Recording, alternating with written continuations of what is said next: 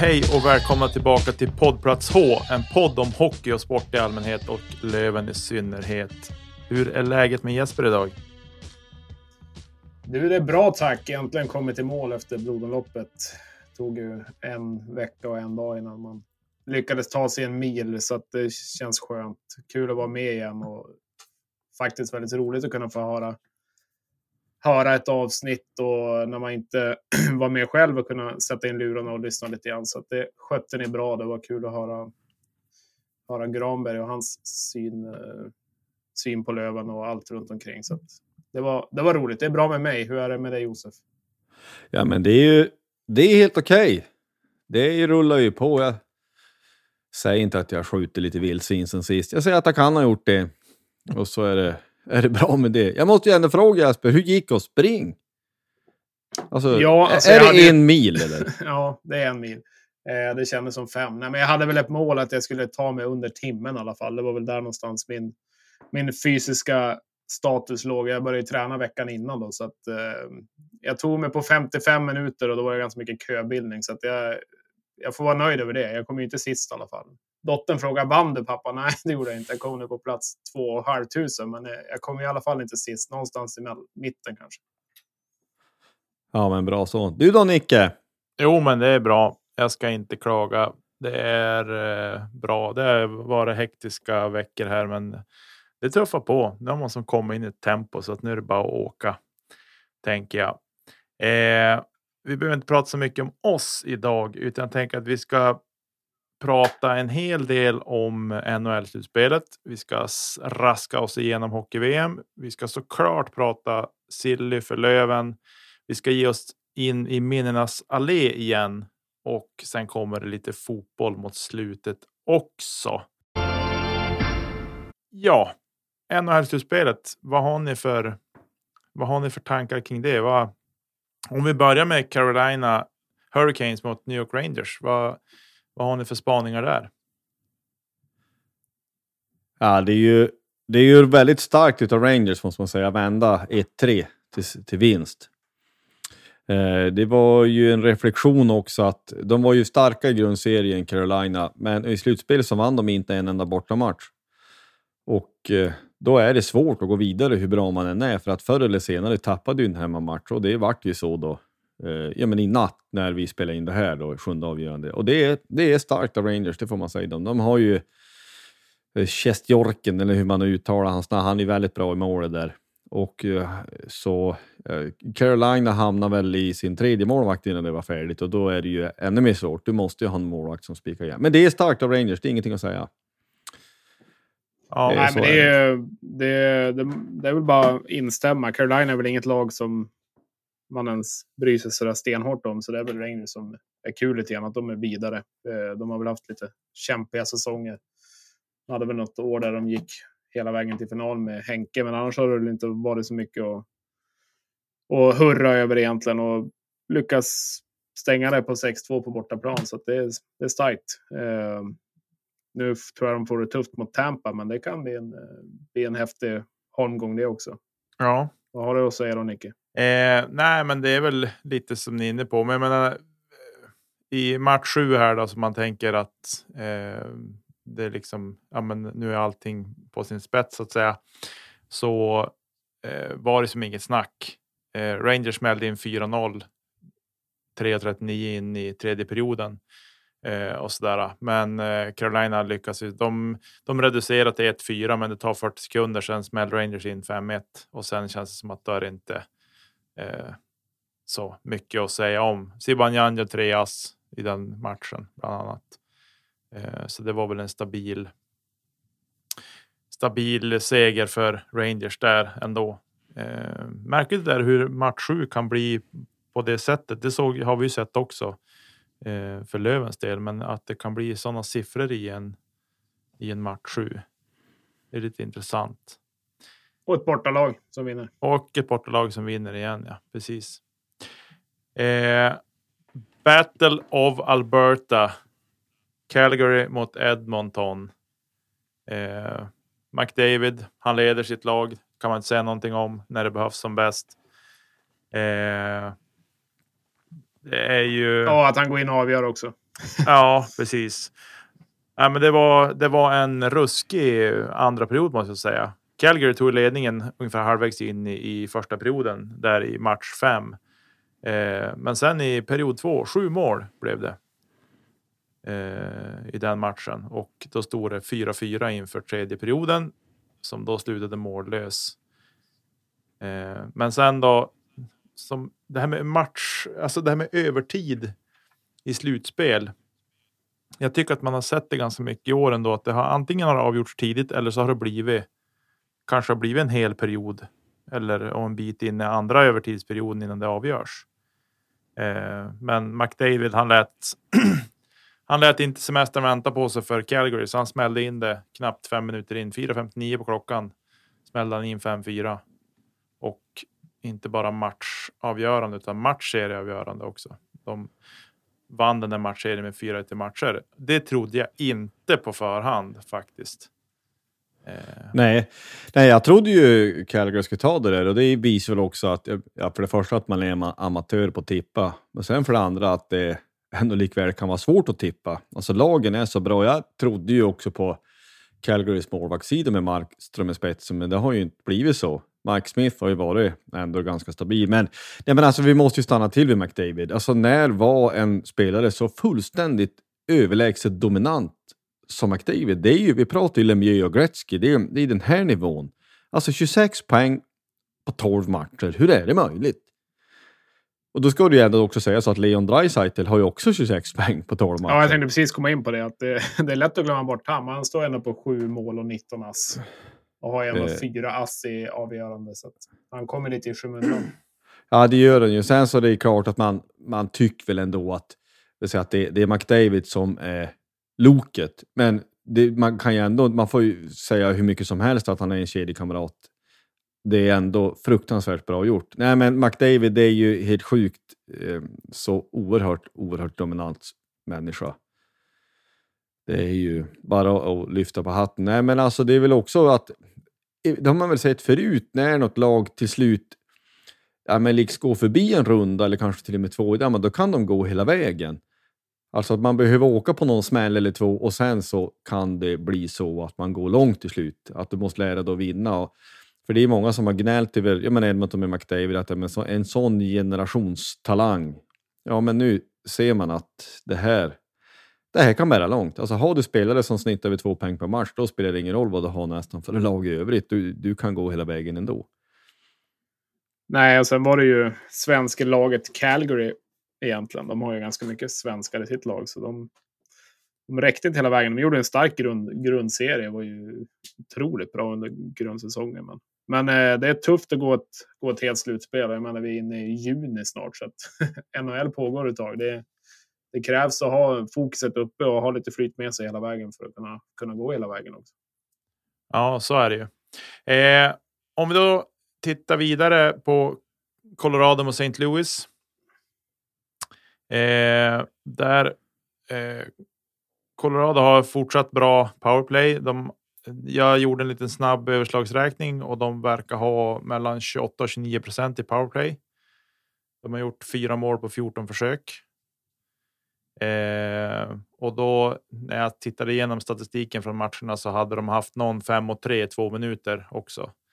Eh, så där och så gjorde de mål kanske 6-7 sekunder efter att efter att St. Louis har blivit fullt fullt med man på mm. isen så att de hade säkert tre gubbar inne som var rätt slut på kan jag tänka mig. Eh, sådär. Men jag, jag har stött på om det tidigare att, power, att eh, Colorados powerplay är ruskigt vasst alltså.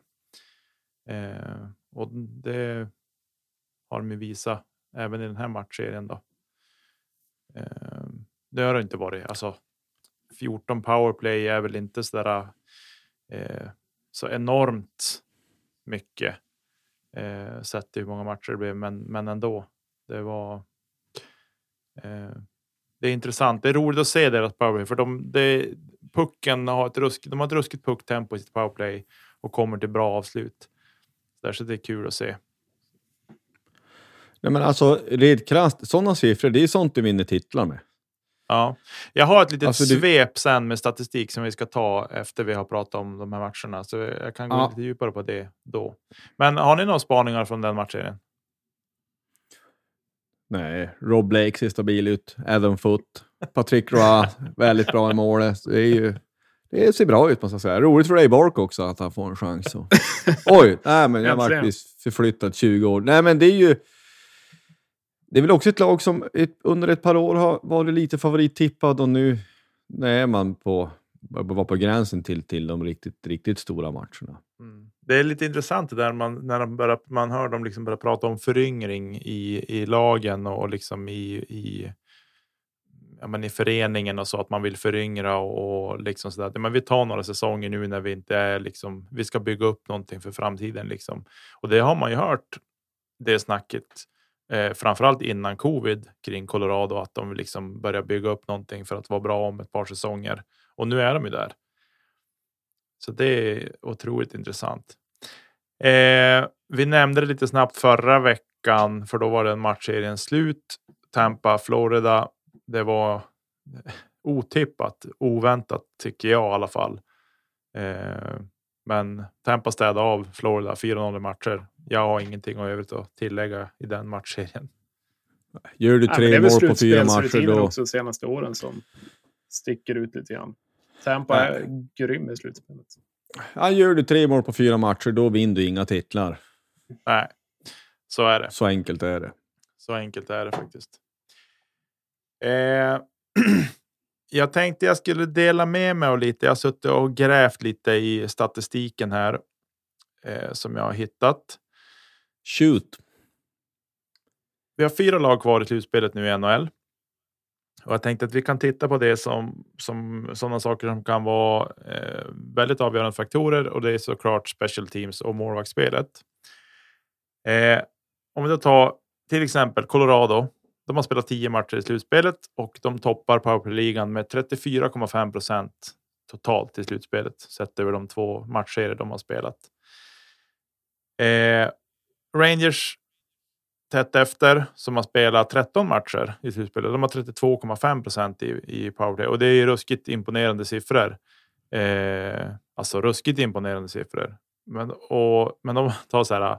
Ja, men Oilers, de har 28,2 på sina matcher och Tampa har endast inom citationstecken 22,9 procent, vilket man ändå skulle säga. Ja, men 22,9 procent i powerplay. Det är ändå bra, men Sådär, äh, det är en av världens bästa hockeyliga vi pratar om. Eh, men om vi då kikar på, på boxplay, penalty killing, så har Tampa på 11 matcher 87,8 procent i, i boxplay. Eh, och då har ja, de ändå suttit bara... nästan 13 minuter per match i utvisningsbåset det är avrundade siffror såklart. De har 141 utvisningsminuter på, på 11 matcher och då har säkert, de har säkert släppt in något mål i. De har ju släppt in något mål då såklart, eh, så det är därför det har blivit ojämna antal minuter. Då. Eh, men alltså 87,8. Det är. Det är sinnessjukt det. Det är fruktansvärt bra. Alltså det kan man ju ha efter fem grundseriematcher kanske. Men i ett slutspel så här när alla spelare liksom är i form och, och igång liksom och har tempo i kroppen och sådana saker så nej, otroligt imponerande. De måste ju eh. knytas ihop med då, jag ska inte, ja, alltså att de har en sinnessjuk målvakt som ja. hade drygt 98. Såklart. Då ser man ju liksom att det hör ihop med varandra. Ja, eh, om vi då tittar vidare lite grann. På 13 matcher så har Edmonton, som är tvåa efter Tampa, eh, i penalty killing-ligan. De har 85,2 procent, vilket också är ju ruskigt bra. Eh, de har suttit 156 minuter utvisat, vilket ger 12 minuter per match ungefär i snitt. Eh, Rangers 80,5 procent. De har suttit 111 minuter på botbänken och det ger då inte fullt 8 minuter per match. Och de har spelat 14 matcher i slutspelet dessutom. Eh, och de har dessutom, de har ju båda deras matcher har ju gått till sju matcher. Eh, sådär. Sämst i penalty killing är Colorado av de här fyra semifinallagen. De har 73,1 och det kanske inte är så där superimponerande, men då man har liksom 34,5 i, i powerplay så. Man säger väl att man ska ligga kring 100 procent då man slår ihop de där två och de ligger gott och väl över det. Eh, Men de har spelat tio matcher i slutspelet, men de har bara sju minuter per match ungefär i som de spelar boxplay. Så att vi får väl bara konstatera att, att Colorado är hittills i alla fall det snällaste laget i, i slutspelet. Eh, alternativt att de har haft domarna med sig. Jag vet inte hur vi, hur vi ska se ja. på det där. Eh, målvaktsspelet då? Där trodde jag att Tampa skulle var att deras målvakt skulle leda, men det gjorde han inte. Det var faktiskt Dallas målvakt som ledde, men de har ju åkt ut. Men och så.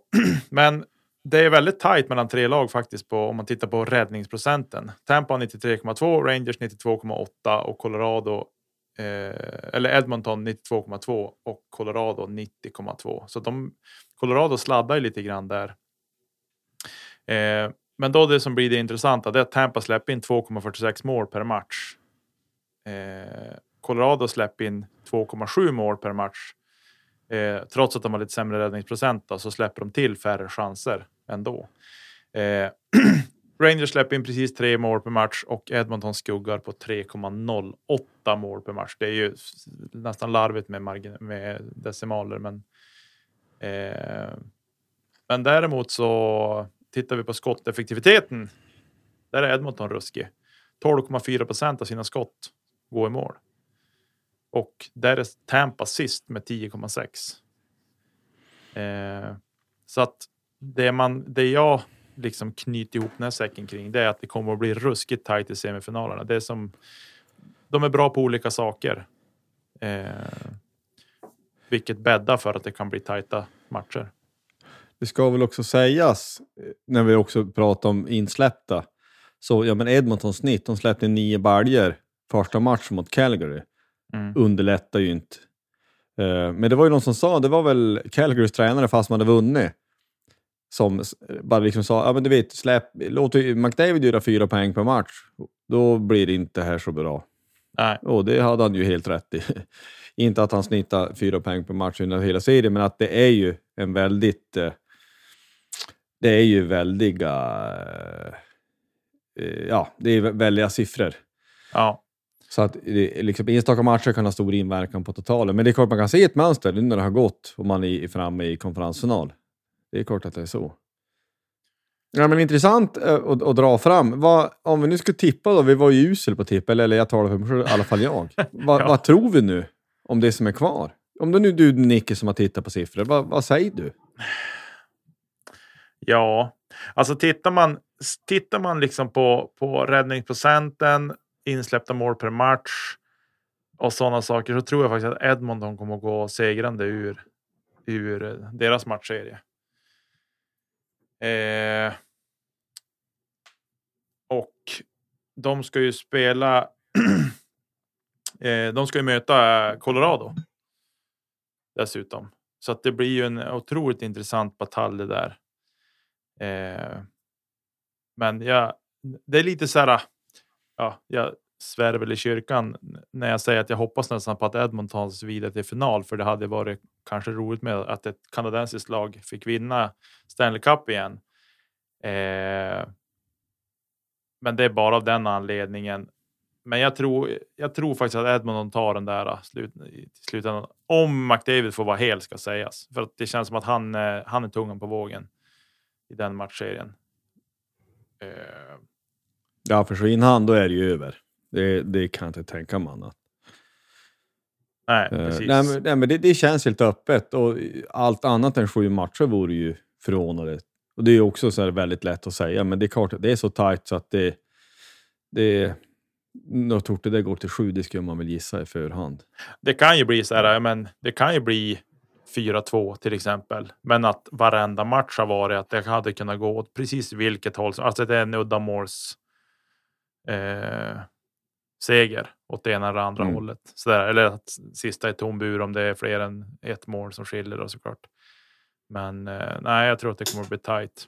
Vad tror du Jesper? Ja, allt annat än tajt eh, hade jag ju varit förvånad över. Eh, det kommer nog bli, bli, bli väldigt tajt. Eh, det lär inte bli någon svepning i någon av matchserierna egentligen. Så att, visst börjar redan natt va? Colorado Edmonton kör natt va? Jajamän, 02.00. Ja.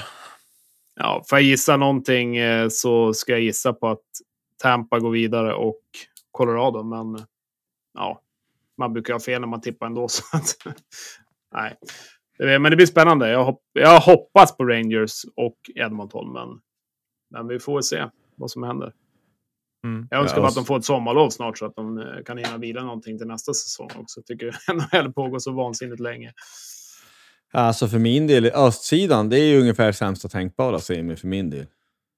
Alltså jag gillar inte något av lagen. Det nämndes ju tidigare, det måste jag vilja föra till protokollet. Jag gillar inte Rangers sen eh, Chris Kreider körde över Carey Price. När de gick till final. När de sen blev avrättade av Los Angeles. Ja, men hade, hade de inte kört över världens bästa målvakt så hade de inte gått till final. Så av den anledningen. Sen så Tampa, ja men de är ju ett lönetagsmyglande poplag. Det gillar jag inte alls. För att de också vann mot Montreal i fjol. Och du får välja mellan pest eller kolera då? Det, då väljer jag jag vet inte. Nej, men alltså, det är klart, så nu har ju Tampa vunnit två år. Eh, och eh, på det sättet så, jag, jag hoppas inte på några, men det känns ju som att Tampa är ju favorit och kanske till och med stor favorit i en sån semifinal. Fast man, de egentligen inte borde, men så är de ju kanske så. Och då menar jag inte borde just för att alla lag är så bra, men det är ju lite underdog ändå. Det är klart man gillar en underdog, även fast de kommer från USAs största stad. Eh, jag tror ju eh, alltså att Tampa tar det. Skulle Rangers skrälla Alltså, jag, jag, jag, jag, tycker att Tampa är favorit att ta hela klubbet igen. Alltså en three-peat och det, det skulle i så fall vara fruktansvärt imponerande. Mm. De känns som det bästa laget. Skulle Rangers skrälla, då, då tycker jag det vänder på sig lite. Då är det nästan så att västlaget är favorit i en final mot Rangers, vilka det än blir. Men det är mm. också det är så öppet, det är så små marginaler och alla de här klyschorna. vi, vi, vi, är ju ändå en Löven-podd på något sätt. Ja, men vi sa att ja, det kan bli 4-2 matcher, det kan bli jämnt. Ja, men det vart 4-2 mot HV och två i, i sadden och vi förlorar båda. Det är så lite som behövs mm. för att det ska bli annorlunda. Mm. Helt enkelt. Eh, lite detaljer här kring den, just den matchen, Rangers mot Tampa. Så de har mötts tre gånger faktiskt. Eh, mm. under grundserien. Och eh, där har Rangers vunnit alla tre. Mm -hmm. Någon övertid eller? En på, en på, 4-0 i match. En på övertid och eh, de andra två på, på fulltid. Eller på straff. Men alltså hur stor, hur stor betydelse har sånt där? Det suddas ju ut totalt, men eh, det kanske finns någonting. Men eh, nej. Det, det var ju inte i oktober de möttes, ska sägas. De möttes på, mm. på, på nyårsdagen och sen, det var en back-to-back -back där. Eh, nyårsdagen och så andra, andra januari och så sen möttes de 20 mars. Eh, och 20 mars var det en tajt tillställning. Då var det slutet av matchen 1-2. Tampa hemmalag.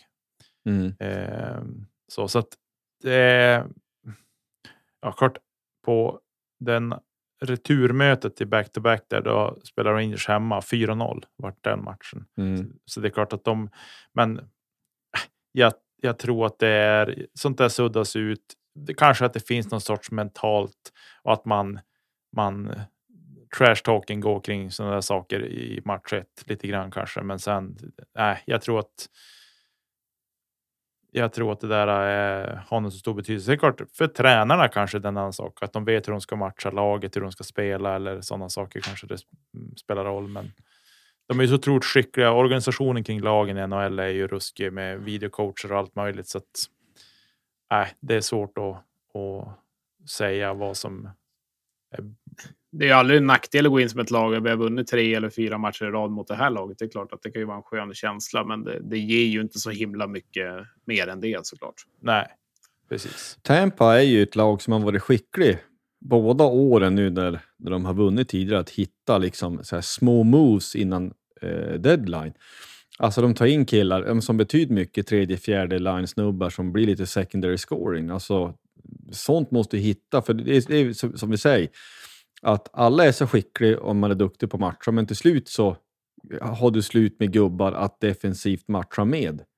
Mm. Och då hitta de här som kan göra några mål och smälla in några baljor när det som bäst behövs. Det, det, det är ju ofta, tycker jag, när det kommer till kritan i final och semifinal, det är lite så okända spelare som avgör. Eh, så det, Ja, det ska bli intressant. Nej, men vad tror vi? Jag tror vi säger ja, men Tampa Edmonton i final. Kanske då. Ja, jag tippar nog det, måste jag säga. Man ja, det imponera så mycket. Det tror jag också faktiskt. Eh... Ja, jag håller min eh, högoddsare på Rangers. Då. Ja, det är bra att man bryter mönstret. Mm. Rangers mot Edmonton då, eller? Eller ja. säger du? Rangers Colorado? Rangers då åker Colorado. hela familjen till uh, Manhattan. Nej. Blir ja. hemma i Sävar. ja. Eh... Jag har inga andra spaningar än just det. Faktiskt. Nej, eh, nej men det, det är nu det ska avgöras. Ja, nej, men det är nu det ska avgöras. Det är den absolut största och viktigaste trofén du kan vinna, Stanley Cup. Ja. Så det är ju också på något vis kul att det, det är det som är kvar. Det är långt in på året, men det är ju det är du verkligen. Agnarna sållas från vete och allt det där. Ja, precis. Precis. Ja, men du, jag tänker att vi hoppar vidare i programmet.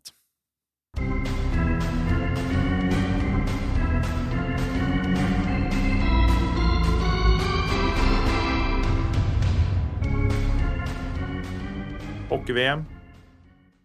Någon som har någon spaning? Jag såg Sveriges debacle. Leda med 3-0 inför tredje, tappa, torska. Bedrövligt. Det är vad jag har att säga om det där. Ja, jag såg inte en enda minut, så jag, ni får prata på här.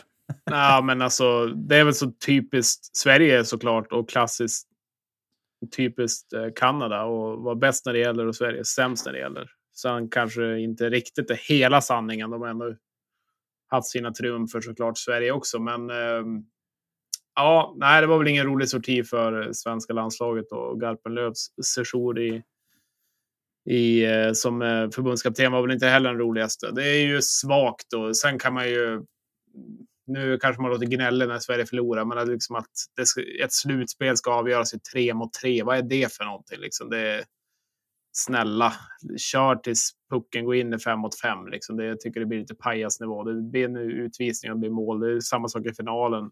Finland får ja, klubban är väl där, man förstärker ganska bra och så pang mål. Det, jag vet inte, jag vill, jag vill ha den där spänningen riktigt när det böljar åt alla håll i fem mot fem och det kan ta lång tid. Jag tycker tre mot tre är lite pajasnivå faktiskt. Sen Finland vill man inte prata om, det är bara tråkigt att de, att de går och vinner igen. Ja. Tycker jag. Nej, jag tycker bara för att jag tycker så här. Vad, vad hände när de sa tre mot tre? Det blir bra. Det blir spännande. Det blir, det blir roligt att avgöra det vi kallar för hockey-VM. Nej, så sjukt dåligt rakt upp och ner bara. Eh... Ja, och så om man kollar finalen till och med, till och med då ha tre mot tre. Ja. Då kan de lika gärna köra slantsingel eller sten, sax, påse eller vad de nu vill. Liksom. Kör ett, två, tre, Kör puckkastning, liksom. Vem som är närmast mitten, den, den vinner. Liksom. Gör något annat då, som är roligare att se på. Nej. Ja. Nej, det där det tog sågar vi. Jag säger inget annat. Vi, jag tycker att vi lämnar hockey-VM och eh, dundrar vidare in i roligare saker.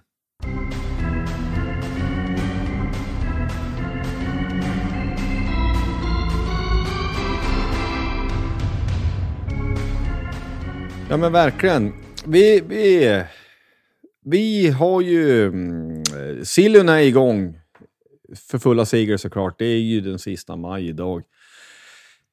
Vi har konstaterat tidigare, att Hatch har fått förlängt, Stråla har fått förlängt. Men sen sist har också Weigel kommit in. Han har ryktats förut och han är officiell. Vad säger ni om en sån kille? Ja, jag älskar Weigel. Jag tycker det är en vi tappar en profil i Liss. Eh, nu får vi in en helt annan profil som eh, liksom. Jag skrev någon tweet om det där för några månader sedan. Det ryktades lite grann att han kan ju ändå glida genom mittzon och ha tandskyddet på väg, på väg ut utanför munnen. Dra två, tre gubbar och sen avsluta med en flippmacka till någon som gör mål. Liksom. Alltså man gillar ju ändå den typen av spelare. Sen tror jag att han kommer komma fram mycket mer igen som han gjorde sist i Löven. Tycker han var riktigt bra. Eh, så att eh, Weigel vart jag väldigt glad över. Nu vill man bara hitta någon som kan ta emot hans passningar och framförallt kunna lyfta powerplay tror jag Weigel kommer, eh, kommer stå mycket för. Att han kommer kunna få en bra roll i, en, i ett första PP och hoppas han kan utnyttja det och eh, hitta en lekkamrat som kan panga in lite skott åt honom. Ser ni han som första center? Nej. Nej. Ja, jag hoppas att det inte är det. För det andra, innebär ju också i så fall att... tredje någonstans. Ja, nej, men det innebär ju också att han borde ju vara inte första PP heller. Ja, men jag tycker borde... han är så pass skicklig i PP. Så att, men, eh, ja, nej, alltså att han ska spela PP det tycker jag, tycker jag definitivt eh, också. Men alltså att har man en första center som vi då i så fall väntar in, då borde ju den också i rimlighetens namn vara första PP. Om man inte vill flytta honom som speluppläggare lite grann på, i ett PP. Men det beror på vem det är, vi vet ju inte. Men jag tänker också att Weigel, perfekt. Ja, men det var ju använt uttrycket secondary scoring. Super mm. skulle det vara.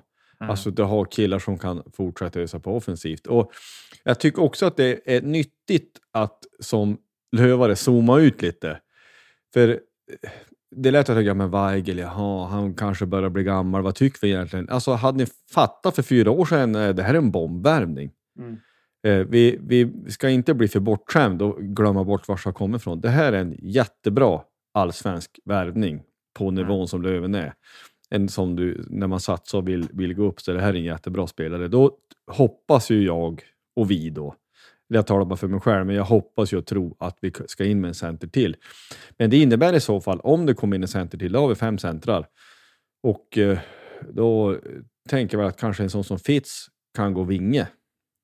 Mm. Och då har vi Weigel, eller första center, Weigel, Andersson och Olofsson. Mm. Det är ändå ganska stark centerlinan då. Men eh, jag, tycker, jag tycker vi behöver vi behöver smälla på en helt annan bomb egentligen och hitta någonting kanske över pölen eller någonting som vi tilltänker som första, första center. Vad vill ni ha för spelartyp som, som första center? Vi har, eh, så här, eh, jag är lite försiktig kring de här. Men, om man tänker sig att vi skulle få in en spelartyp som är typ som Peron, alltså liksom så här, lite bekväm i grundserielunken och det. Eh, att, men då ska det liksom förväntas med poäng. Men jag tycker som en första center ska det vara någon som liksom går i bräschen och driver laget också. Typ som Freddan har varit. Eh, men nu är mm. inte Freddan en första center längre, tänker jag. Eh, Förstår ni vart jag vill komma någonstans? Liksom? Mm. Vad, vad, vad, vill ni se för första center? Om Josef, om du får välja. Ja, men alltså, det, det blir lätt klyschigt igen, men det får vi bjuda på i så fall. Ja, men, ja, men en som går före, första träningen, sist därifrån. En som inte är bekväm. Sen så skulle man ju såklart gärna se en som är högproducerande. En som gärna ligger liksom topp 2, 3, 4 i interna. Det tycker mm. jag är, liksom vore rimligt att tänka. Både målskytt... Alltså, jag gissar alltså, lite det som Gerard var tänkt att vara, men inte riktigt blev. Han hade mycket andra egenskaper. Han var starkare defensivt än vad man trodde kanske. Mm. Men någon som gärna kan vara och sniffa på 0,8 eller kanske mot en poäng per match, någonstans där. Eh, men alltså gärna en högproducerande och såklart eh, en eh, duktig i i powerplay. Men det, är, det blir ju fortare med sådana spelare är inte så lätt att hitta för allsvenskan, för det är de för bra för den saken. Man, man ska ju önska. Vi får locka, locka hem eh, Mr vältränade lår, Oskar Sten. Han kan väl komma och köra lite center eller vara lite vinge hos oss igen. Han var ju, han var ju riktigt bra. nej, men det, det lär ju inte hända. Men, eh, nej, men vi måste hitta någon. Jag vet inte. Vi har ju, vi har ju ganska mycket känns det som mycket mindre, mindre snabba, snabba gubbar. Jag skulle vilja ha någon mer, mer rejäl typ lite grann som kan, kan städa lite, lite mer, eh, vara lite mer rejäl och göra, göra någon poäng. Men, eh, och en bra tekare framför allt. Eh, det tappar vi väldigt mycket i Gerard. Så att hitta någon som verkligen kan, kan vinna mycket, mycket första tek i anfallszon och sådana bitar så att man får börja med pucken. Men vem letar inte en bra första center? Så att det är ju det är såklart det är inte lätt för för Kent att hitta någonting. Men nu är väl ändå spelarmarknaden större än någonsin med allt som hänt i Ryssland och, och så vidare. Så då kan man kanske få tag i någonting. Där tycker jag vi ska lasta på. Där behöver vi någonting riktigt bra. Mm. Ja, nej, men det är väl också att här får man också vara lite kall. Man ska önska att ja, men vi ska bomba in grejer. Ja, men marknaden är ju lite grann sån att man får avvakta lite grann. Men om vi ändå tillåta oss själva att gå lite på det som har pratats om. Eh, och inte bara i största allmänhet på något forum eller någonting, att eh, ändå mera välrenommerade hockeymänniskor har pratat om en sån som eh, eh Tommy Sallinen. Mm. Så är det likadant där, att för några år sedan är det här en bombvärvning och jag tror att det är det nu också. Han skulle kunna producera riktigt, riktigt bra allsvenskan tror jag. Mm. Eh, och det är ju i så fall en första center såklart, om han kom in. Mm. Vad tror ni om en sån? Nicke Sallinen? Har du sett han just någonting? Jag har inte sett så mycket av han ska jag dock säga. Lite grann, Lite grann. har jag sett. Eh, han har väl spelat i fel klubb för att jag skulle följa honom jättemycket. Men eh, såklart, jag är inne på det du säger Josef. Att det ska vara en riktigt bra värvning för Löven. Eh, och så. Men som sagt, jag har sett han lite för lite. Men jag tycker att eh, man har, det man har hört, alltså när det har pratats om honom, så är det liksom det det är en bra spel, en riktigt bra hockeyspelare. Eh, inte bara en bra hockey, utan en riktigt bra hockeyspelare. Så att jag tycker alltså skulle vi få in honom kanonvärvning. Absolut. Det tycker jag. Vad tycker Jesper? Ja, det är en bra värvning. Alltså, det är ju, han är faktiskt ganska rätt så snabb också faktiskt. Nu är han ju inte lastgammal, han är lika gammal som jag, 33, men men eh, sen är man ju alltid så här. Mm, han hoppar ner då. Han har väl inte varit någon, någon eh, hockeyallsvensk eller den nivån. Hoppar ner. Ja, vad, vad, vill, liksom, vad vill han i Löven? Vad är hans mål i Löven? Ja, han kanske vill kliva upp, men har han liksom det brinnet så att men eh, kollar man på HV, de tog in egentligen en hel första, första lina i, i, i slutet under deadline. Så att mycket kan ju hända och Kent är ju bra på att göra någonting under säsong. Så att skulle vi få in Sallinen nu och börja med det och slå det väl ut så är det perfekt. Och skulle det kanske inte göra det av en anledning så har vi ändå möjlighet att kunna lyfta in något under säsongen. Så har vi möjlighet att ta han så ta han om man vill. Ja, ett, ett annat rykte som jag pratat om är ju Mustonen, Joel. Vad säger ni där? Ja, som breddspelare, absolut. Eh, det är väl ingen jag ser som, som ska tokproducera. Mycket erfarenhet. Han har spelat nästan 300 matcher i, i SHL. Eh, han har väl vunnit något CHL-guld med Frölunda bland annat. Det är där jag har sett honom mest. Eh, men liksom du kikar CHL alltså? Eh, ja, det har jag följt. Det har följt Frölunda ganska mycket så har det blivit så. Eh, men det Alltså han är en rivig spelare. Benen går hela tiden. Liksom. Lite så här, ja, men Johan Forsberg-vibbar på honom fast han, kunde, fast han kan åka skridskor ordentligt. Eh, så, så Fors, jag... Forsberg kunde ju ta sig framåt i alla fall. jo, jo, precis. Han är skön skridskoåkning. Nej, men, eh, nej, men måste, alltså, han tänker jag liksom nog så här, ja, men andra, tredje lina tänker jag kanske fjärde om han accepterar den rollen, liksom att, att gnugga på och spela destruktiv hockey för motståndarna. Eh, men i, på Hockeyallsvenskans nivå så är, är, han ju en, en väldigt bra hockeyspelare. Han har ju varit etablerad i SHL i många säsonger så att eh, eh, han kan ju bli lika väl bli en toppspelare i, i Hockeyallsvenskan också. Och då i sådana fall är det en kanonvärvning. Om, om det skulle bli så så skulle det ju vara en kanonvärvning, tänker jag. Det gäller väl att använda en sån kille med sina styrkor rätt i så fall. Och då, för liksom kopplingarna här är ju också kopplingarna eh, till, till Stråle också, att de känner varandra och vet vilka de är. Och mm. också mm. Stråles förmåga som vi uppfattade att vara duktig på att coacha saker.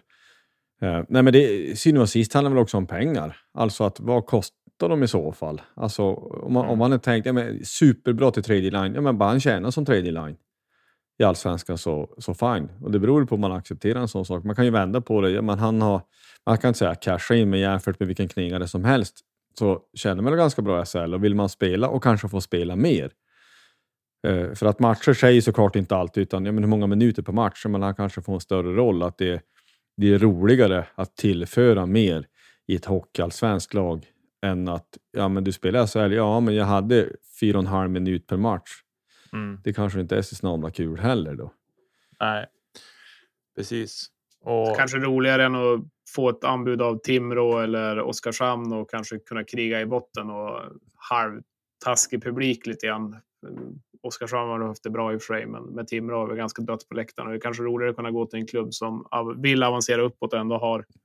Vi har ändå våra tre finaler i rad att stoltsera med så att det, gå upp som spelare och gå upp i ett lag är nog bland det roligare man kan vara med om. Så det, det är nog mycket det som kan locka också för att kunna gå till Löven. Sen har ni sin tjej som är från Umeå också som säkerligen vill hemåt också.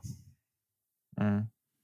Ja, det blir intressant att se. Tommy Sallinen har ju snittat typ 0,53 poäng per match i SHL. Eh, vilket man såklart skulle gärna se. Det är se. bra. Det är bra. Det går inte att säga något annat. Nej, och som center dessutom. Alltså, det är liksom.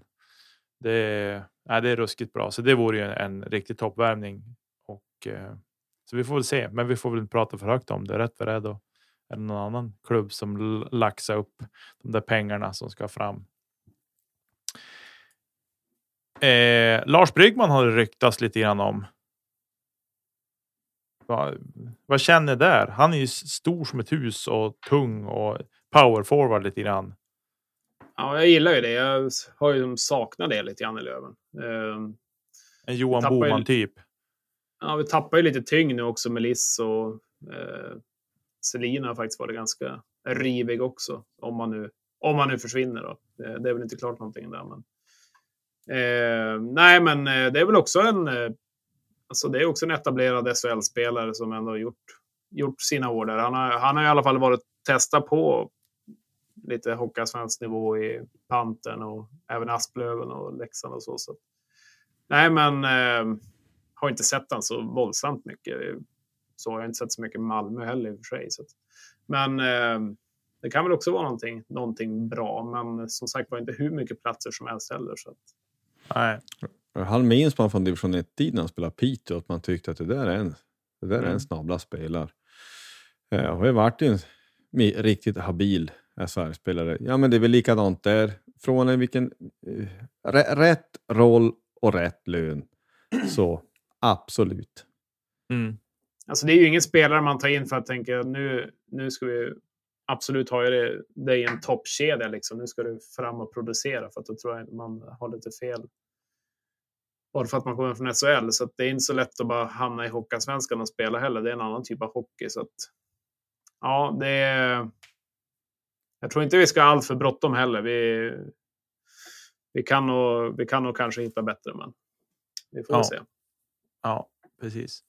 Eh, om vi lämnar sillen lite grann och tar det här med försäsongstesterna som har varit nu. Där har vi ju att Ekefjärd han imponera igen. Tror ni att han tar en plats i år? Ja, man skulle ju gärna vilja se att han spelar några matcher i alla fall. Mm. ja, men eh, vi kör bara fystesterna rakt om. Så.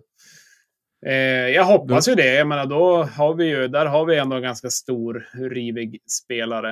Eh, och uppenbarligen stark, eller om inte annat så har han ett starkt huvud mentalt och vill kriga för det. Så att det, det vore väl inte om inte annat en billig lösning för oss att kunna, kunna få utnyttja det lite grann.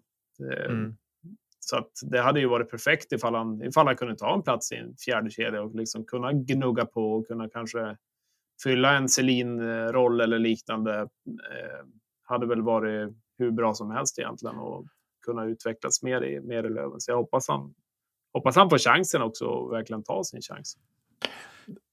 Men alltså ni som kanske har bättre koll än oss på sig, de här testerna, vad är det man gör? Alltså det är... Ja, men det är ju alltså, kula och så är det ju hoppa höjd och... Eh. Nej, men liksom att, för att det blir, alla lag gör ju fystester. Och att man skulle vilja veta hur går de till? För jag har inte läst på just om det, det kan jag inte säga.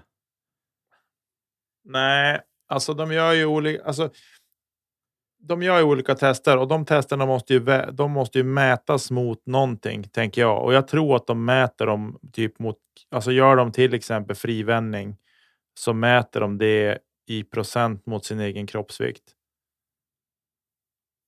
Ja, men vad är det då? Fri, frivändning? Är det eh, bänk, marklyft eller vad?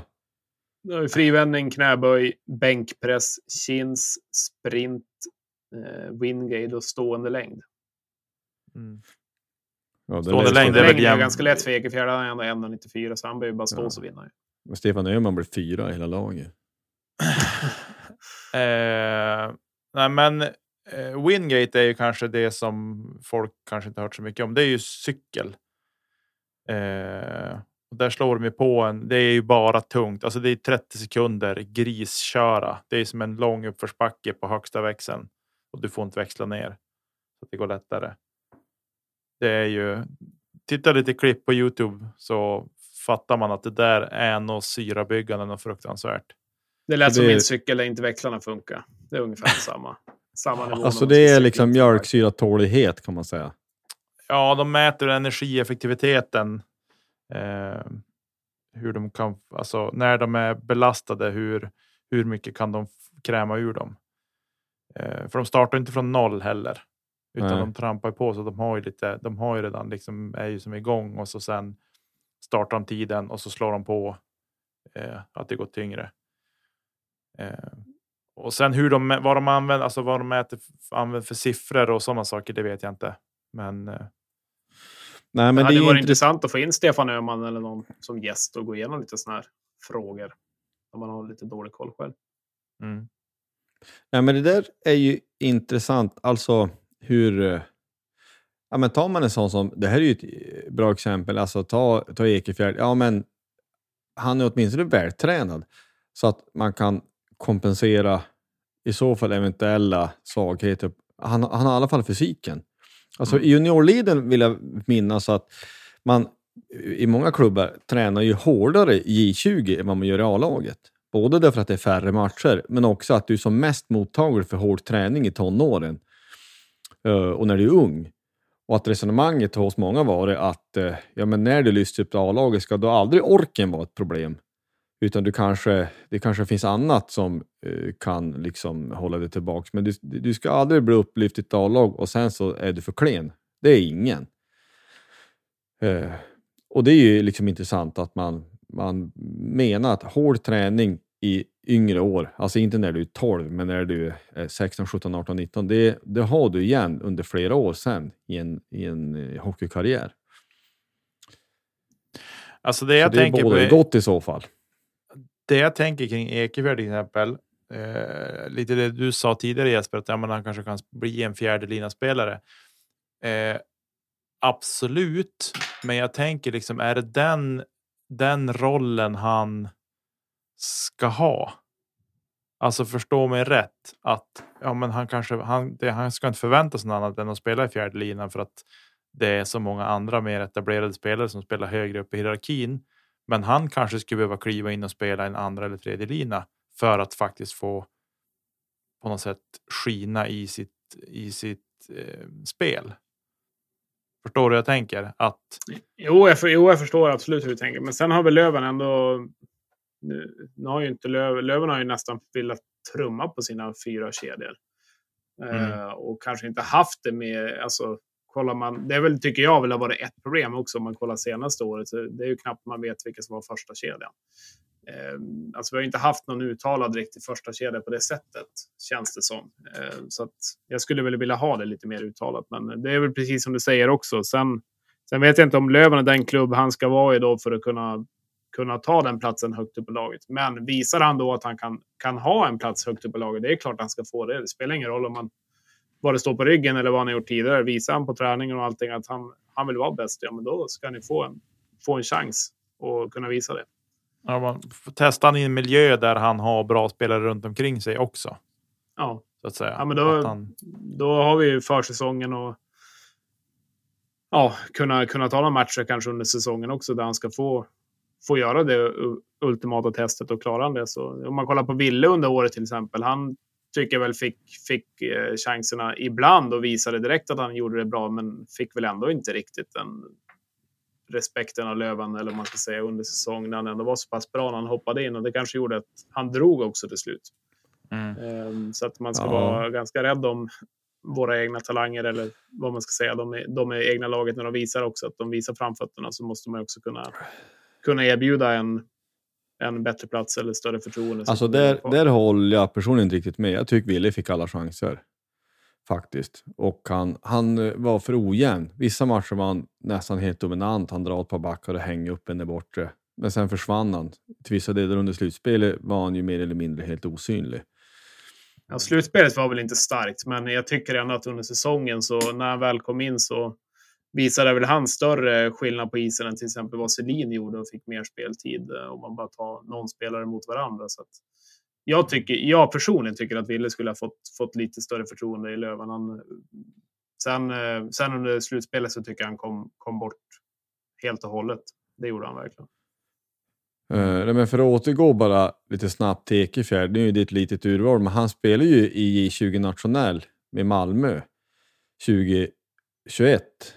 2020-2021 och gjorde nästan en poäng per match. Det var bara 14 matcher, men han gjorde 13 poäng, så han har ju ändå producerat lite grann tidigare, så att det kanske finns någon slags um, oförlöst potential vill man tro. Men det är ju, nu är han, han har fyllt 20 så att det är nu lite grann han ska börja kliva fram om man tänker att han ska få någon utväxling på sin karriär. Så inte bara ska bli någon division 1 utav det här, utan mm. han ska kliva fram. Både att han ska få chansen, men också ta den. Ja, precis. Jag håller med. Eh, Sillesvepet. Ja, Nej, men vi tänkte väl lite grann så här att vi, vi, vi, man, vi kan ju omöjligt gå igenom alla lag, eller det kan vi, men då blir det en podd på sju och en halv timme. och det, det är dumt, men liksom bara ett par eh, liksom ref, reflektioner att eh, liksom lite grann lag för lag. AIK, vi har just nämnt William Eriksson, bara för den sakens skull. Han lär ju få en sån som han lär få bra med chanser i powerplay och så, och det är fullt möjligt att han tar ett kliv till och blir en, en som producerar bra. Eh, jag vill också bara lite snabbt nämna att de värvade eh, Albert Lyckåsen från Karlskoga. Han tyckte jag har varit bra. Så det tycker jag är en mm. stabil värvning också. Även eh, Bagenda lyfter de in nu. Ja, precis. Mm. precis. Det är ju ändå en Umeå-kille så det är väl värd att, värd att nämnas. Jaha, det nej, var de, mer än jag visste. Ja, nej, men de smygs som lite grann lite att ja, men de, de kan nog bli otäck för en del. Eller alltså de, de kan bli så här halvbra eh, eller helt bra.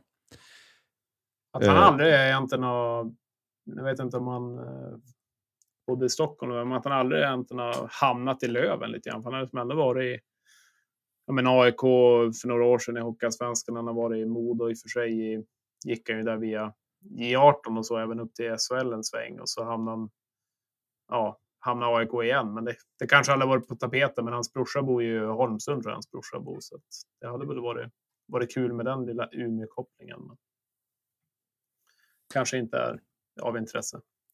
Nej.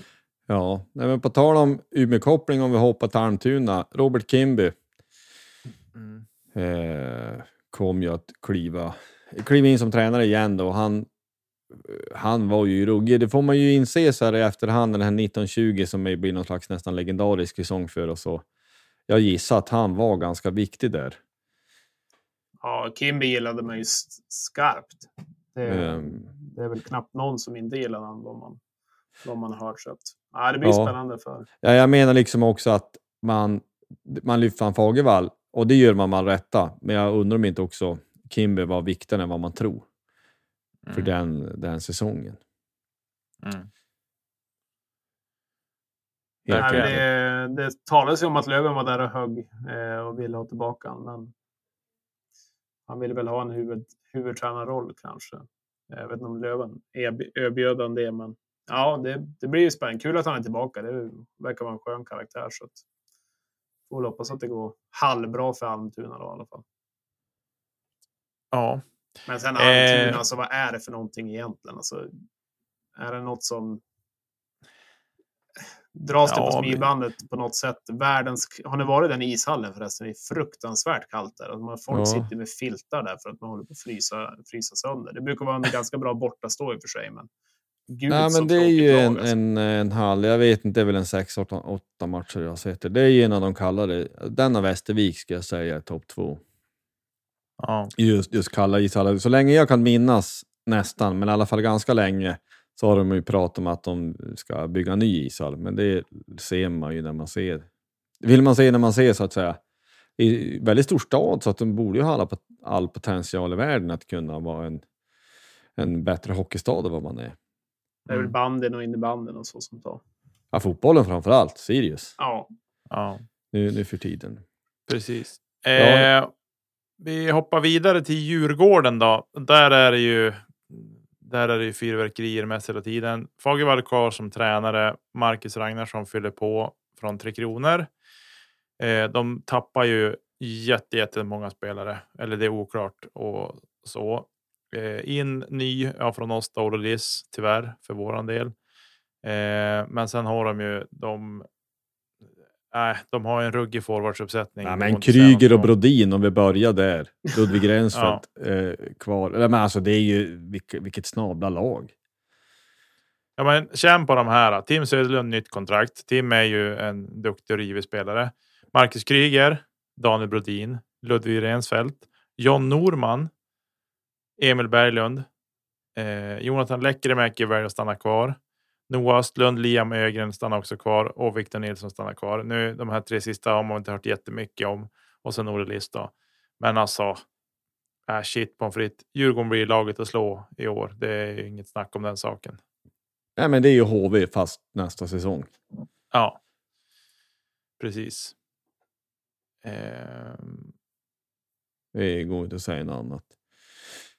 Nej, jag hoppas det blir en total flopp, men de har ju grymt lag och framförallt forwards. Nu har de inte vävt in så mycket backar än heller. Så att, men jag tror någonting som kan vara en nackdel, även om han är omtyckt här och varit mycket, så tror jag inte att Fagervall liksom kan ta dem hela den vägen. Jag tycker, tycker HV gjorde en ganska bra analys direkt när de klev ner och liksom med träningsmatch och allting. Vi ska möta Hockeyallsvenska lag och de, de ställde verkligen in, in sig på det. Eh, jag vet inte. Jag, jag har någon sån här eh, kanske tro och förhoppning, men jag tror att jag tror på något sätt att Djurgården kommer inte kunna göra, göra en HV på det sättet egentligen.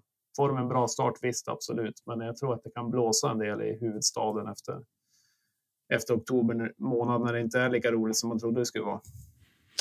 Alltså, jag tänker lite grann så här. Jag är lite inne på det du säger att det är Fagervall mannen och, och styra den där skutan. Eh, jag tror att... Ett stjärntätt han... Malmö gick ju sådär med Fagervall. Ja, men jag tror att vad är, vad är problemet med att det är mycket stjärnor i laget? Det handlar egentligen mera om att stjärnorna någonstans måste acceptera också att, att jag spelar ett lag som är där det är.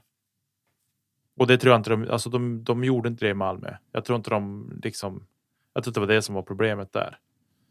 Eh, och dessutom liksom de spelare, om man tittar på de spelare som har kommit hem, det är liksom moderklubbspelare.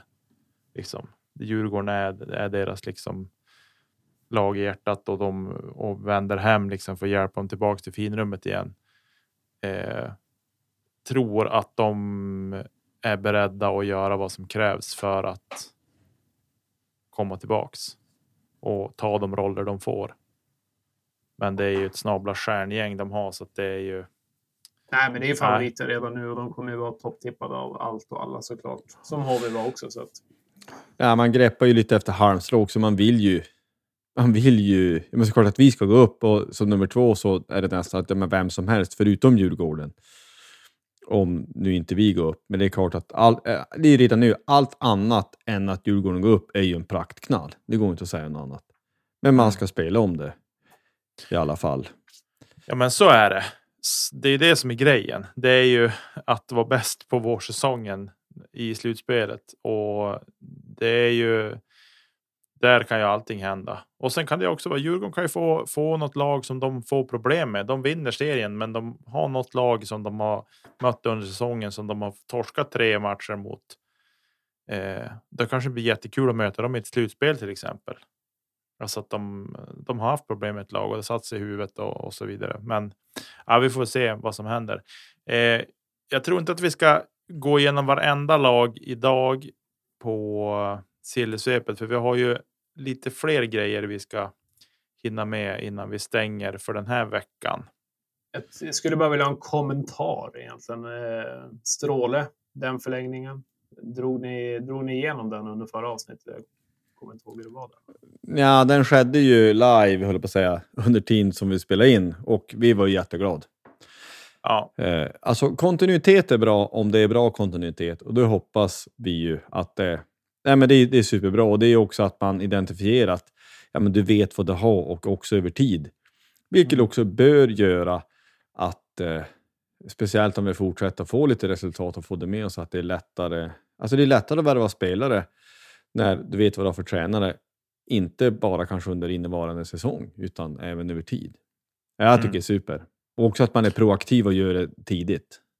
Ja, det blir Absolut. spännande att se, se Stråle från, ja, bara nu den här säsongen kommer. Det blir spännande att se honom från start, liksom ha honom hela vägen. Det, det, det, kan bli väldigt intressant. Eh, att vi kanske inte får de här dalarna på samma sätt eh, som vi haft tidigare. Hoppas man på i alla fall. Mm. Ja, Nej, men jag tänkte, vi, jag håller med dig, men vi, vi kan ta Karlskoga också. Det ligger nä, nära till för min del. Alltså det man vet om Karlskoga, de har alltid bra målvakter. Och de kör på samma. Det är ju Hellgren och Lars Wolden. Och de är bra. Det är liksom ingenting att säga om. Sen så vet man också att det är som en klubb, att nu trots att de har tappat Henrik Björklund, och det är ju ett jättetapp. Alltså han är ju liksom hjärta och själ i när klubben har varit. Men de är också en, en, en klubb där, alltså kör man så kör man. Alltså känslan är på något vis, alltså man, man gillar dem inte framförallt mer traditionellt att det har varit, tycker man, Hockeysveriges grisaste lag. Men grisigheten är ju fortfarande grisig, men inte fullt lika grisig som den var för några år sedan tycker jag.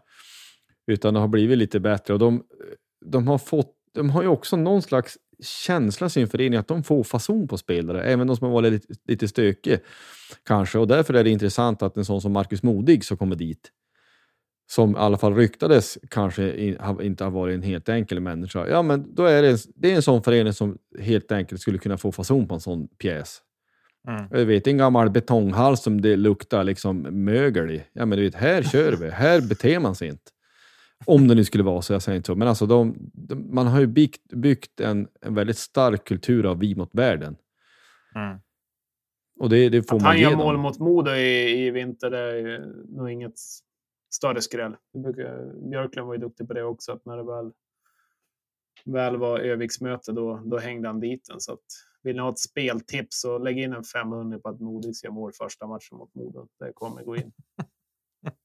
Ja, nej, men det är, nog, det är nog fullt möjligt. Nej, men det, vi får fortsätta, precis som du säger, det finns eh, några, några klubbar, men vi kan ta några åt gången när vi får feeling. Mm. Men eh, de tappar ju en del men det är väl som i, i de allra flesta klubbar. Jag vet om den gamla Lövenbekantingen David Lindqvist, vad det hände med han? Med uh, Hockeyallsvenskans bästa plösar. Ja, oklart. Det är en bra fråga. Jag har inte hört någonting faktiskt. Ja, man, man, kan ju inte mer än älska en spelare som både har plösarna utanför och knyter skridskon runt vristen som man gjort på mellanstadiet. mm. det, är ju, det är ju internationell klass på en sån föring. Det vill vi bara ha sagt. Ja. Tror ni han kan få något SHL-erbjudande igen? Han hade ju sin korta session i, i Luleå där innan han fick Nej. komma tillbaka till Löven. Nej, det tror jag inte. Han är för, han är för klen tror jag. Ja, och lite för långsam. Ja, det går för fort i SHL. Jag tror inte han, han hänger med. Han hänger inte med. Han är lite för klen. Vi kanske ser han i Umeå igen. Ah. Ja. Ah. Ja, Teg kanske vill ha spelare.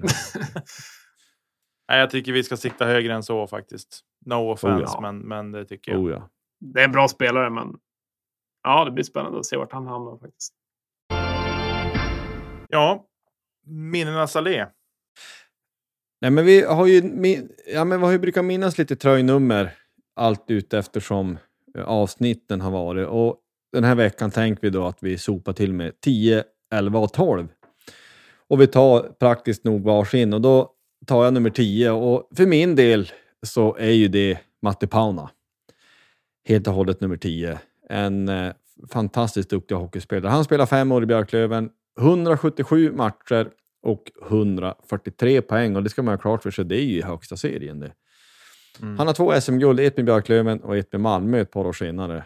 Och så har han ju också ett VM-guld 87 där. En väldigt tekniskt och otroligt duktig hockeyspelare. Så han får det bli. Mm.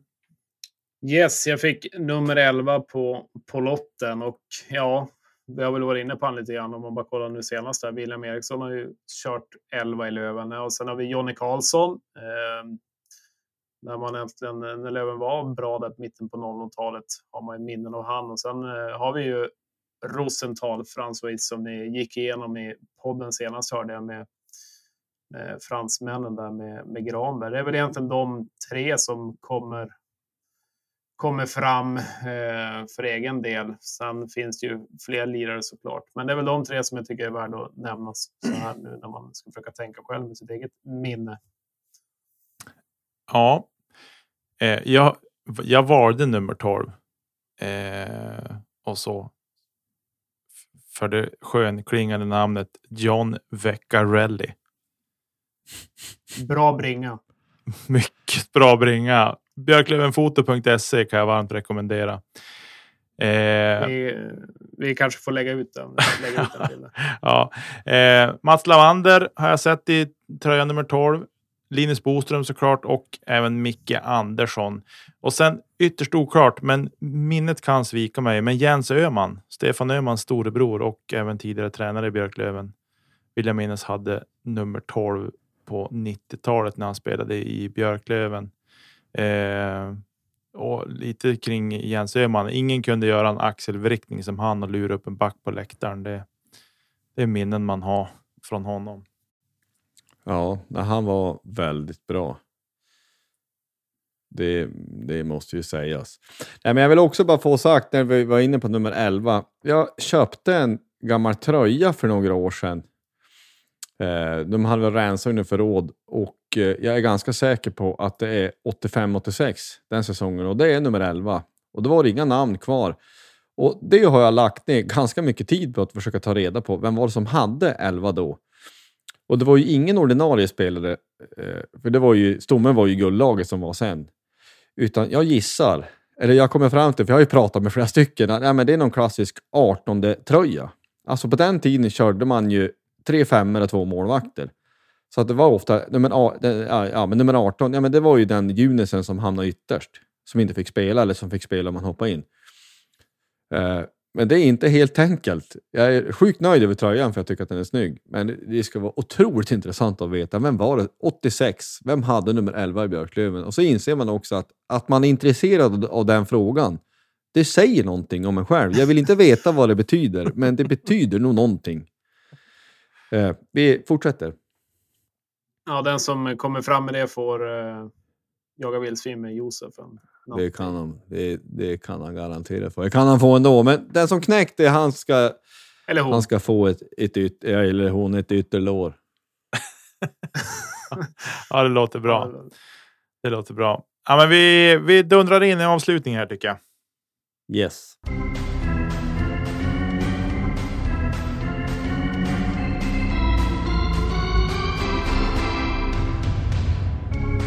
Ja, det spelas ju fotboll också fortfarande.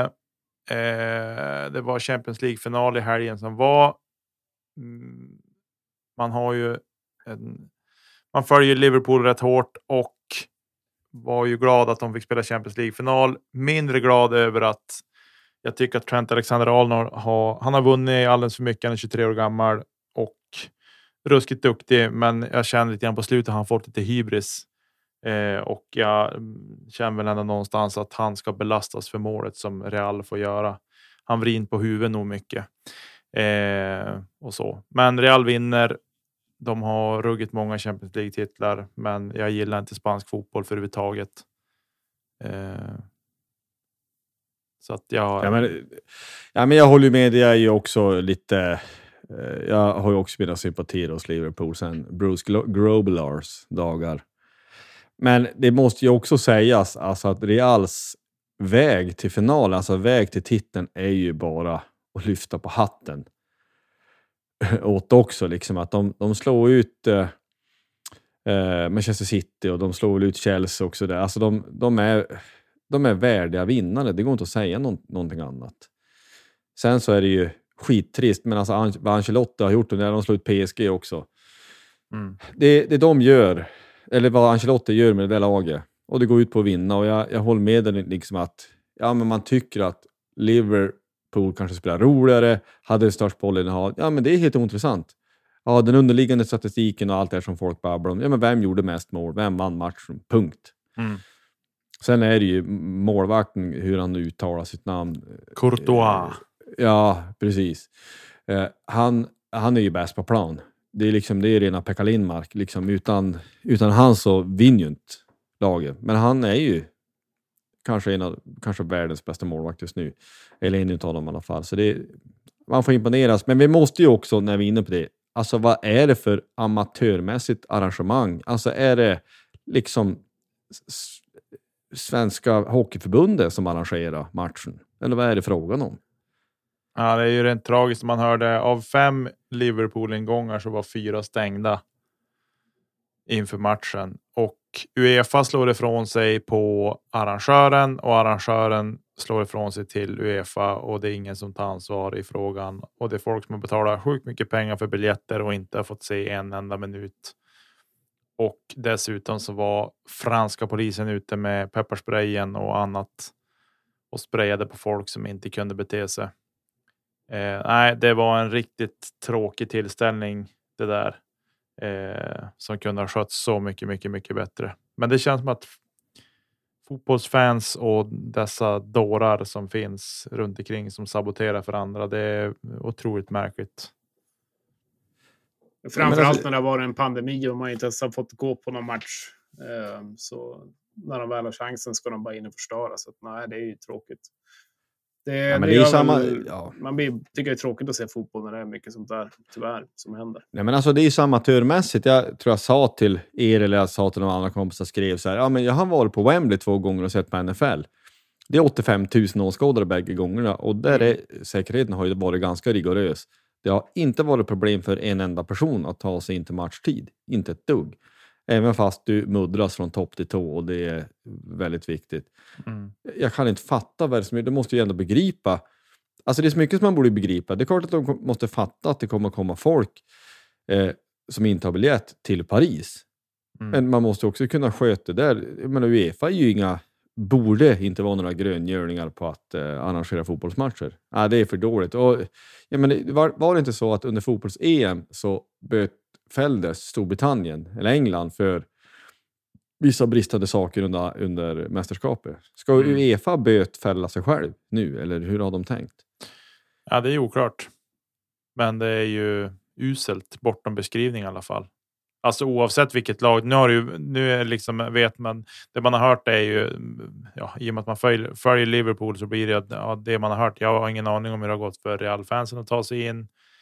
Eh, och så. Men är det så liksom att det var flera ingångar var stängda när de egentligen ska vara öppna. Bara en sån sak. Det är ju så dåligt så att det, nej, man blir bara trött och ledsen för de som har tagit sig dit och åkt dit för att få se matchen och sen får de bara stå utanför och trängas och nej, dåligt. Ja, Riktigt dåligt. Det blir knappast en, en skräll att matchen är utsåld. nej, precis. Nej. säljer vi ut den stadifrån? Ja, kanske. Jo, nej, men. Ja, nej, vi, vi lämnar Champions League-finalen tänker jag och så snackar vi lite fotbollsallsvenskan. Vad har du för spaningar där Josef? Ja, men det är ju stora valla. Jag var där i söndags och kollade på ehm, eh, Degerfors mot Malmö. Och eh, det är ju Ola Toivonen 2, såklart, på sin gamla klubb. Det är riktigt länge sedan som han var. Han, men han är från Degerfors från början. Mm.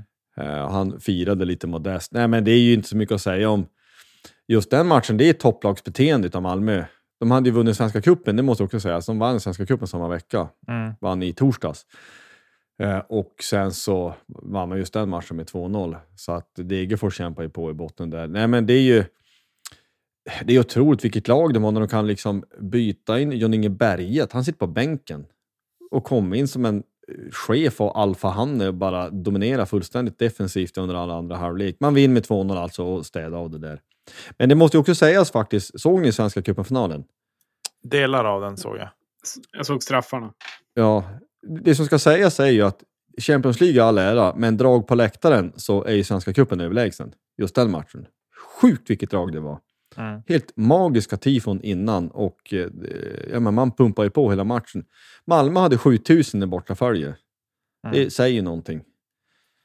Verkligen. Eh, så, så de imponerar. Sen så imponerar ju inte alla straffläggare. Alltså allvarligt talat, kan vi inte en gång för alla bestämma, sluta tramsa och trippa fram och liksom ta sats snett eller rakt ifrån. Men gå fram och skjut bara. jag blir så irriterad när Astrid Selmani går fram och som sista straffläggare för Hammarby. Man kan ju direkt, direkt han tar sats sig, men han kommer inte att sätta den där. Nej. Likadant, ja men ta nu England mot Italien i EM. Det är likadant där. Ja men det här trippandet och tjafsandet, gå fram och dunka dit han. Ja. Om inte annat, skjut hårt och så får målvakten göra en bra räddning i så fall. Men det här, nej jag, jag gillar det inte. Nej, det ska vara rejält. Absolut. Gör en Petersson i VM. In och dundra ja. in den bara. Ja, men ta samma straffläggning om ni tänker Martin Olsson, Malmö. Ja. ja. men dunka upp han lite snett under ribban där bara. Var, var det några frågor på det? Den målvakten finns inte i världen som tar den straffen. Nej. Vilket håll han än slängas åt. Nej, men det, det är imponerande. fortfarande tomt i Hammarbys prisskåp. Ja, de vann i Svenska cupen förra året. Ja, men annars är det eh. ganska tomt där. Ja, ett SM-guld. Det är som vi det. ja, nej, men det får man ta för det. Men det är första gången, det måste man också säga, det är första gången sedan 89 som Malmö vinner kuppen. Och som någon säger, det delas ut två bucklor per år i Sverige. En den svenska kuppen och den har ju fått en uppgradering sista åren, vilket är helt riktigt, att man gör tävlingsmatcher av det tidigt. Det heter ju Skandia-cupen en gång i tiden, det minns inte ni för ni är för ung. Men det var liksom, men det är så här 1200 åskådare på gamla Råsunda. Eh, nu är ju det stora matcher. Ja. Eh, så det, det är roligt. En, en liten koppling i Svenska cupen. Eh, när jag var i tonåren och spelade fotboll för IFK Holmsund så eh, mötte faktiskt herrlaget IFK Holmsund mötte AIK. Eh, Pascal Simson spelade i AIK då på den tiden. Kom till Kamratvallen i Holmsund och spelade fotboll. Eh, och det vart jämnare än, än vad AIK trodde tror jag. Det ja. var, jag tror att det slutade, jag tror AIK vann med 2-1 eller något sådär. Och jag tror att IFK Holmsund tog ledningen dessutom. Vad att, eh, pratar vi för år här? Ja, men Pascal Simpson, hur länge sedan han spelade? Du, vi snackar ju 90-tal. Ja. ja. Christer Nordin dunkade dit. Han sköt ju som en häst, Christer Nordin. Ja, han var snabb också, min, vill jag minnas. Ja. ja. Lite annan fotboll lokal, Umeå FC, eller Team TG, Thorengruppen, tar sin första poäng mot Umeå FC idag, som har ju börjat katastrofalt egentligen. 10 matcher, 12 poäng. Eh, cementerad elfte plats i tabellen. Division 1 norra. Vi pratar inte jättehög nivå. Det är Nej. ju... Ja, nu ja, men det måste man ju säga. Med FC, men det, ja, det är ju riktigt dåligt. Det, men det, det tål ju att sägas, eh, även om man ser över tid. Alltså Umeå är lite som Karlstad. Alltså Karlstad är ju en relativt stor stad i Sverige. Man har aldrig haft några fotbollsframgångar. Alltså, nu är det lite speciellt. Alltså Degerfors är ju solklar etta i Värmland. Eh, eh, ser man fotbollsmässigt, det är liksom Värmlands fotbollsmecka. Men man kan tänka att Karlstad som är så stor stad borde kunna ha bättre fotbollslag än vad man har. Men det har man inte. Däremot har man varit bra i amerikansk fotboll, men det går inte att jämföra i storlek i sport.